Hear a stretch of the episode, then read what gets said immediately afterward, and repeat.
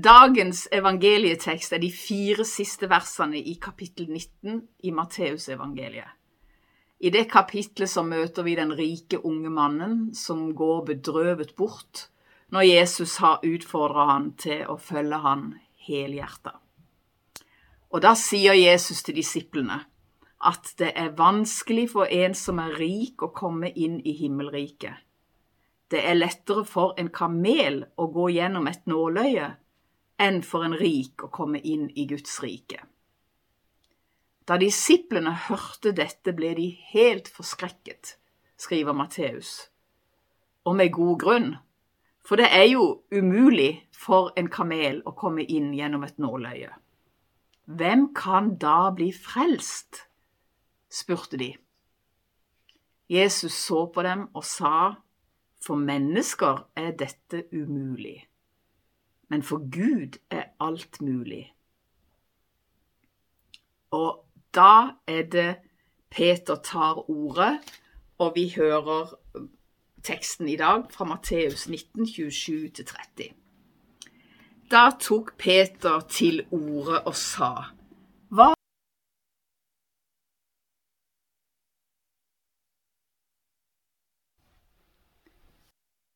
For mennesker er dette umulig, men for Gud er alt mulig. Og da er det Peter tar ordet, og vi hører teksten i dag fra Matteus 19, 27-30.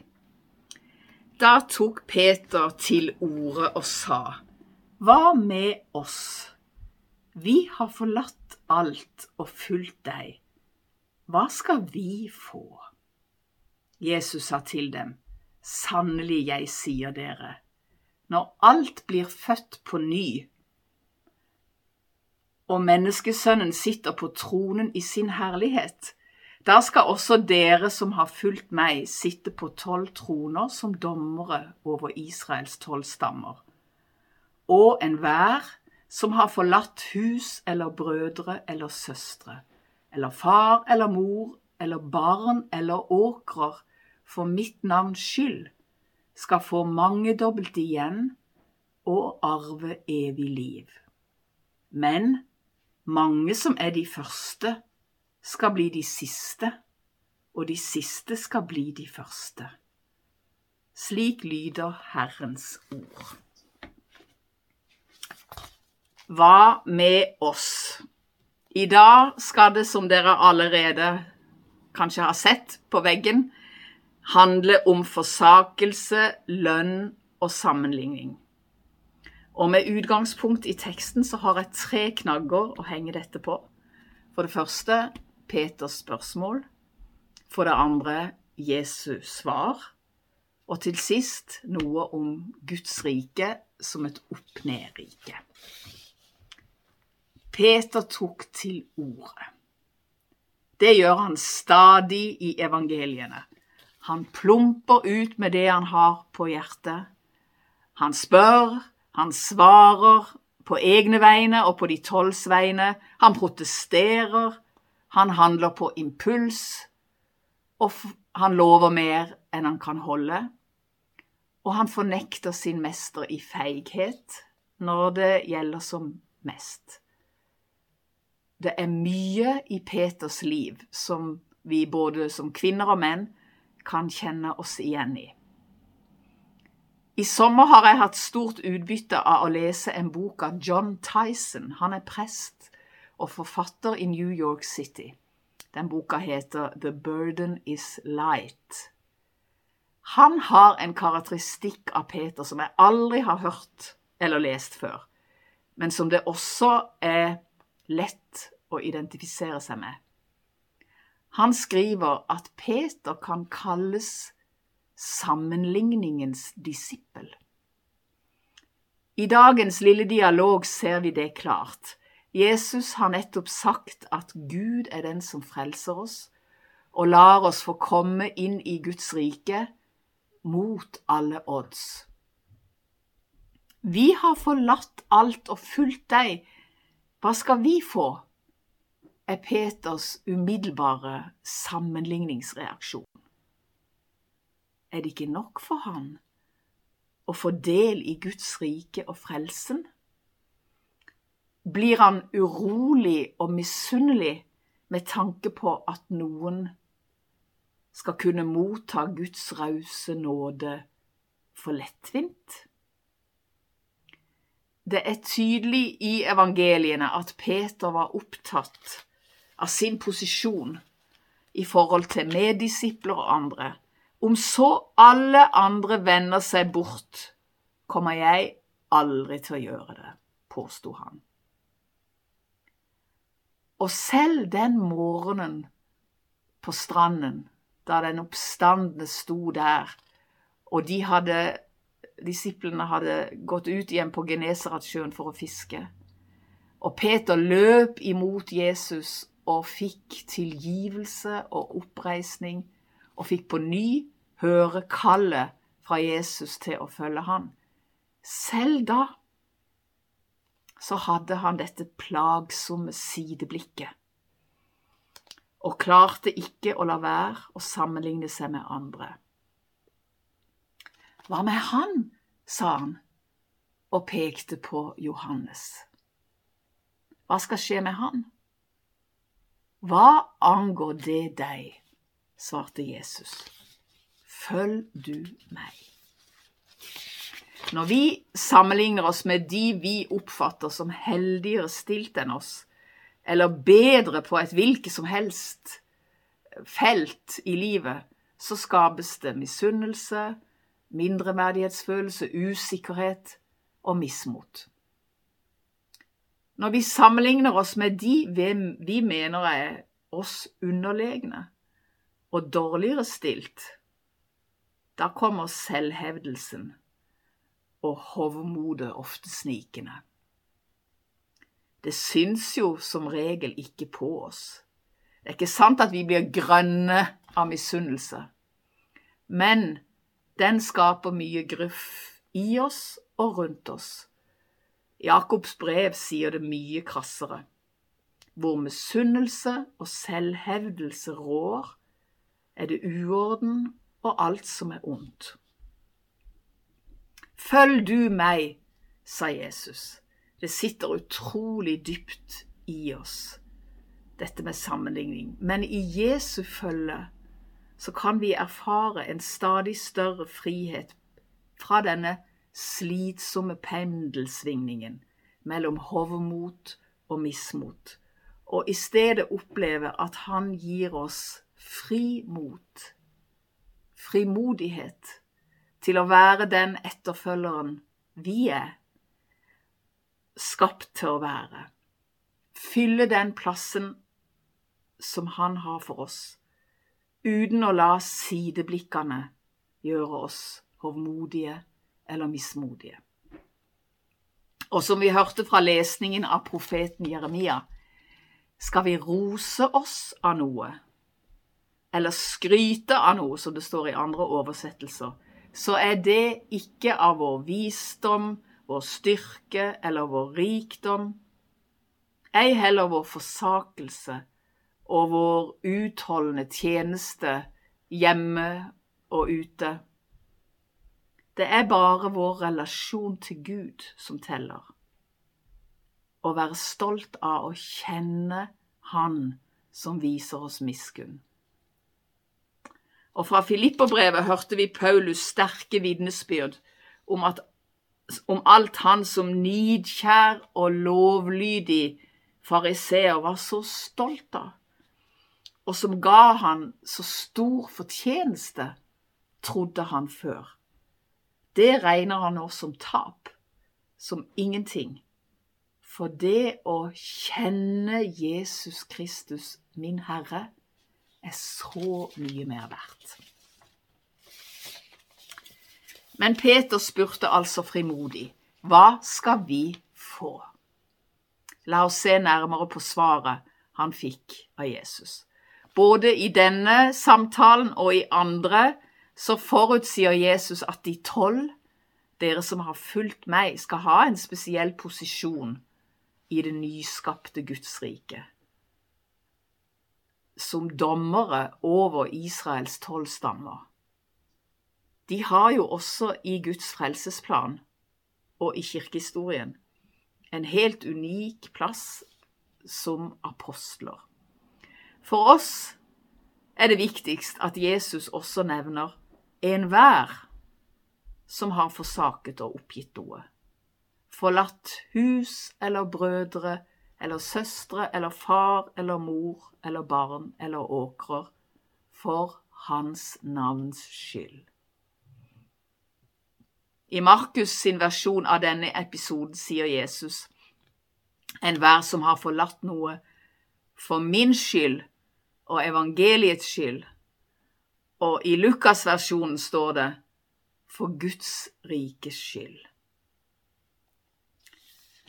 Til alle tider så har det vært umulig å si et helhjertet ja til å følge Jesu kall uten at det medførte å si nei til noe annet. For Peter og flere av de andre i disippelflokken så var det helt konkret å forlate fiskebåtene der ved Genesaretsjøen. For Matteus var det å bryte opp fra tollboden. Og sånn har det vært gjennom hele kirkas historie. Fortsatt flytter noen langt fra nærmeste familie, bytter jobb, eller velger å ikke stifte familie for Guds rikes skyld. Kanskje tenker vi fort at dette handler om den forsakelse mange misjonærer har gjort og gjør ved å reise langt bort fra slekt og venner. Og ja, det handler om de, men også de som forlater troen og livsstilen til sin familie uten nødvendigvis å flytte på seg. I land der kristne blir forfulgt, så er jo det et blodig alvor. Men også en tenåring, for en tenåring i vår by kan det være knalltøft å si til humanetiske foreldre at uh, jeg vil gjerne konfirmere meg i kirka, og jeg ønsker å bli døpt. Jesu ord i dag handler, tenker jeg, om de valg og prioriteringer hver eneste av oss utfordres til å gjøre for Guds rikes skyld. Det kan gjelde vår tidsbruk, vår pengebruk, våre karriereplaner, for å nevne noe. Ikke for å bli tatt imot i dette Guds rike, men fordi vi er tatt imot på grunn av Guds rause og ufortjente nåde. Jesus la aldri skjul på at det ville koste å følge ham. Han brukte til og med det dramatiske bildet med å ta sitt kors opp, og sa til disiplene om noen vil følge meg, må han fornekte seg selv og ta sitt kors opp og følge meg. Hva vil det si å ta sitt kors opp? I 1975 var jeg 21 år, student i Oslo og engasjert medlem av studentlaget. Den sommeren ble det innbudt til nordisk studentmøte på Island for alle de nordiske studentlagsbevegelsene, og vi meldte oss på i hopetall. Så var det også tilbud om forskjellige reiser vi kunne gjøre i etterkant av uka der i Reykjavik, for å oppleve denne fantastiske øya så kom det også utfordring om å melde seg til evangeliseringsteam til små steder rundt i landet. Jeg kjente meg utfordra, jeg så behovet, men jeg hadde så lyst å være turist på Island. Sommeren nærma seg. Jeg kom hjem til Kristiansand. Det var en sånn gospel night. Det var jo det vi kalte ungdomsmøter på den tida, og da var det en taler som jeg ikke husker hvem var. Jeg husker bare at han sa Han spurte også hva vil det si å ta sitt kors opp og følge Jesus. Jo, det er når dine ønsker og dine behov er der, og så opplever du at Guds vilje er der, og så går du Guds vei. Jeg vet nå at uh, det er større dybder i det uttrykket, men den gang var det nok for meg. Det utfordra meg veldig. Jeg meldte meg til evangeliseringsteam på Island og fikk jo en fantastisk uke på et lite tettsted på vestkysten. Og opplevde jo veldig mye mer enn jeg ville ha gjort som turist. Og det ble en skjellsettende opplevelse for meg som ung, og som jeg aldri har glemt. En erfaring av Jesu løfte om å få mangedobbelt igjen. Nå må jeg forte meg å si at jeg slett ikke tror at Jesu kall til oss alltid er det vi helst ikke vil, og det vi har størst motstand mot. Gud legger ned i oss lengsler og drømmer. Han har gitt oss en unik personlighet med evner og nådegaver. Og selvfølgelig, selvfølgelig skal vi fortjene ham med alt det. Men vi ser slett ikke alltid vårt eget beste. Og kampen vi står i med synden i oss, og motstand utenfra, fra verden og fra vår sjelefiende, det gjør at vi ofte ikke ser det som vi innerst inne er, vet er det beste for oss. Det som er den gode veien for oss. Og så blir det i perioder en kamp med dette korset. Min vilje og Guds vilje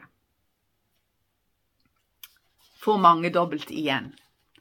Markus evangeliet gjengir det enda mer konkret og sier vi skal få hundre ganger så mye igjen.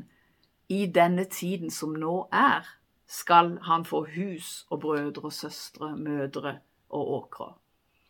Dette er et løfte om hjem, livsopphold, nettverk, som ikke bare misjonærkandidater skal holde fast på, men alle vi som tar valg som kan koste for Jesus skyld.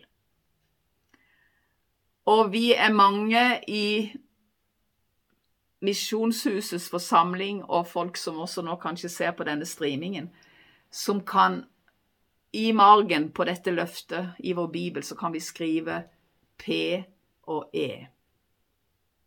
Prøvd og erfart. For en tid siden så kom jeg i prat med en eldre kvinne som uventet for meg fortalte at hun hadde mange års erfaring som misjonær i Sør-Amerika. Og da var jo fort den linken til at jeg kunne fortelle om mine år som studentmisjonær i Portugal.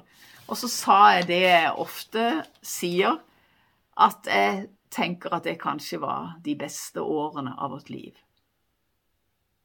Det kan ikke jeg si sa hun stillferdig.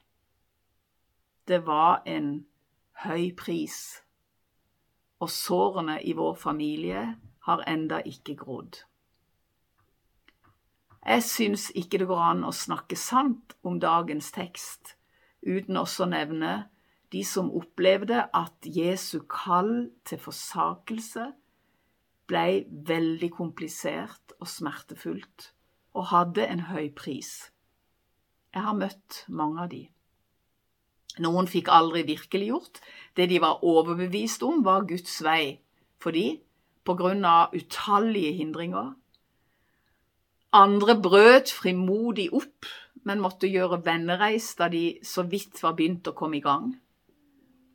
Og noen la ned år av sitt liv uten å oppleve selv noen særlige resultater av sin tjeneste for bare å nevne noen eksempler. Kultur- og klimautfordringer, helseproblemer, ensomhet, manglende støtteapparat, krig og statskupp og naturkatastrofer og dødsfall, massiv motstand mot evangeliet.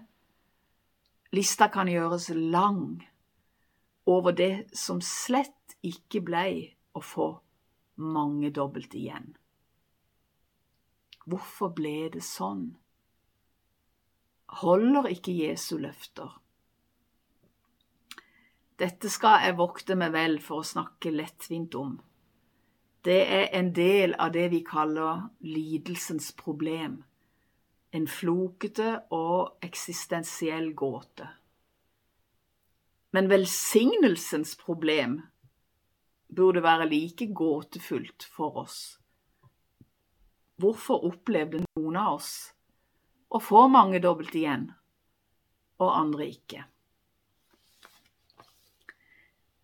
Jesus' svar på Peters spørsmål dreier seg heldigvis ikke bare om lønn og kompensasjon som vi kan oppleve veldig urettferdig fordelt i dette livet. For han tilføyer jo fire viktige ord til hva hans etterfølgere skal få. Og arve evig liv. Og da er vi kommet til mitt siste punkt Guds rike, et opp-ned-rike. Det å la Guds rike perspektivet, evighetsperspektivet, kaste lys over våre liv, det løser ikke alle gåter og gir ikke svar på alle spørsmål vi har nå. Men midt i alt vi baler med, så gir det lys og håp og retning for livet. Da Jesus sto fram offentlig, så ropte han ut Guds rike er nær. Jeg ser for meg hvordan med hans komme så er det som en lyskjegle som kommer fra oven, med tilgivelse og legedom og oppreisning og velsignelse. Men bare som en forsmak, som et tegn på det som en gang skal skje når Guds rike fullendes, og alt fødes på ny som Jesus sier i dagens tekst. Vi lever fortsatt i dette paradokset som teologene uttrykker med ordet, ordene 'allerede, men ennå ikke'. Guds rike er allerede iblant oss, men ennå ikke fullendt. Og det var derfor Jesus lærte oss å be 'La ditt rike komme'. Dette riket er helt annerledes enn andre riker. Det er et opp, ned og bak fram-rike der barna og deres tillitsfulle tro er standarden. Der det som regnes som svakt og ubrukelig i verdens målestokk, blir høyt verdsatt og løftet opp. For det handler ikke om prestasjon, men om relasjon til den treenige Gud. Mange som er de første, skal bli de siste, og de siste skal bli de første i det riket, sier Jesus. Han forkynte det samme i Gudsrikelignelsen om arbeiderne i vingården.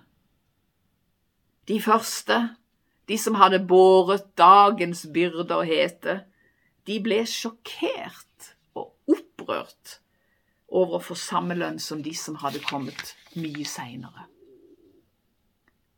Sammenligning igjen. Og så var det jo Guds rikets nådelønn. Akkurat det jordeieren på forhånd hadde lovet. Alle sammen fikk. Paulus bruker et annet bilde. Seiersprisen ved løpets slutt. Det hørte vi også lest fra Filipperbrevet i dag. Jeg glemmer det som ligger bak, og strekker meg etter det som er foran, og jager fram mot målet, mot den seiersprisen som Gud fra det høye har kalt oss til i Jesus Kristus. En seierspris til alle, som når alle barna får medalje for sin deltakelse i et løp. Å ha evighetsperspektivet på livsløpet vårt, ha målet for øye, gjør en stor forskjell når vi kalles til forsakelse for Jesus skyld. Vi kan ha mange tanker om åssen det blir å fullføre løpet, komme hjem, få del i saligheten. Ja, at det blir salig, det er i hvert fall sikkert. Det er særlig to utsagn av Jesus som har påvirka mitt syn på den dagen vi skal stå ansikt til ansikt med vår skaper og far og med vår frelser. Det ene er ordene i en annen lignelse om det å være tjener. For Jesus sa, når dere har gjort alt som er pålagt dere, skal dere si, vi er unyttige tjenere. Vi har bare gjort det vi var skyldige til å gjøre. Før syntes jeg dette var harde ord om å tjene Herren. Nå tenker jeg at i evighetens klare lys så skal jeg se hvor ubetydelig mitt gjensvar var i forhold til Guds ufattelige nåde og kjærlighet, og i forhold til det offer Jesus gjorde for at vi skulle få del i frelsen og friheten og gleden i det fullendte Guds rike. Og alle spørsmål og gåter som jeg har båret på gjennom livet, skal få dufte som dugg for sola. Hvordan kan jeg påstå det? Jo, fordi Jesus sa også det. Den dagen da jeg ser dere igjen, skal dere ikke ha mere å spørre meg om. Alle våre hvorfor, alle våre sammenligninger vil renne av oss i møte med Jesus. For da vil vi stå midt i alle svarene og fylles av en glede som vi bare har opplevd glimtvis her. Da er det bare Han som fortjener ære og takk og pris. Og vi vil bli dradd inn i lovsang og tilbedelse. Og det er det vi øver oss på her også, allerede nå. Gi meg Jesus, bare Jesus. Ingen andre er lik Jesus. Amen.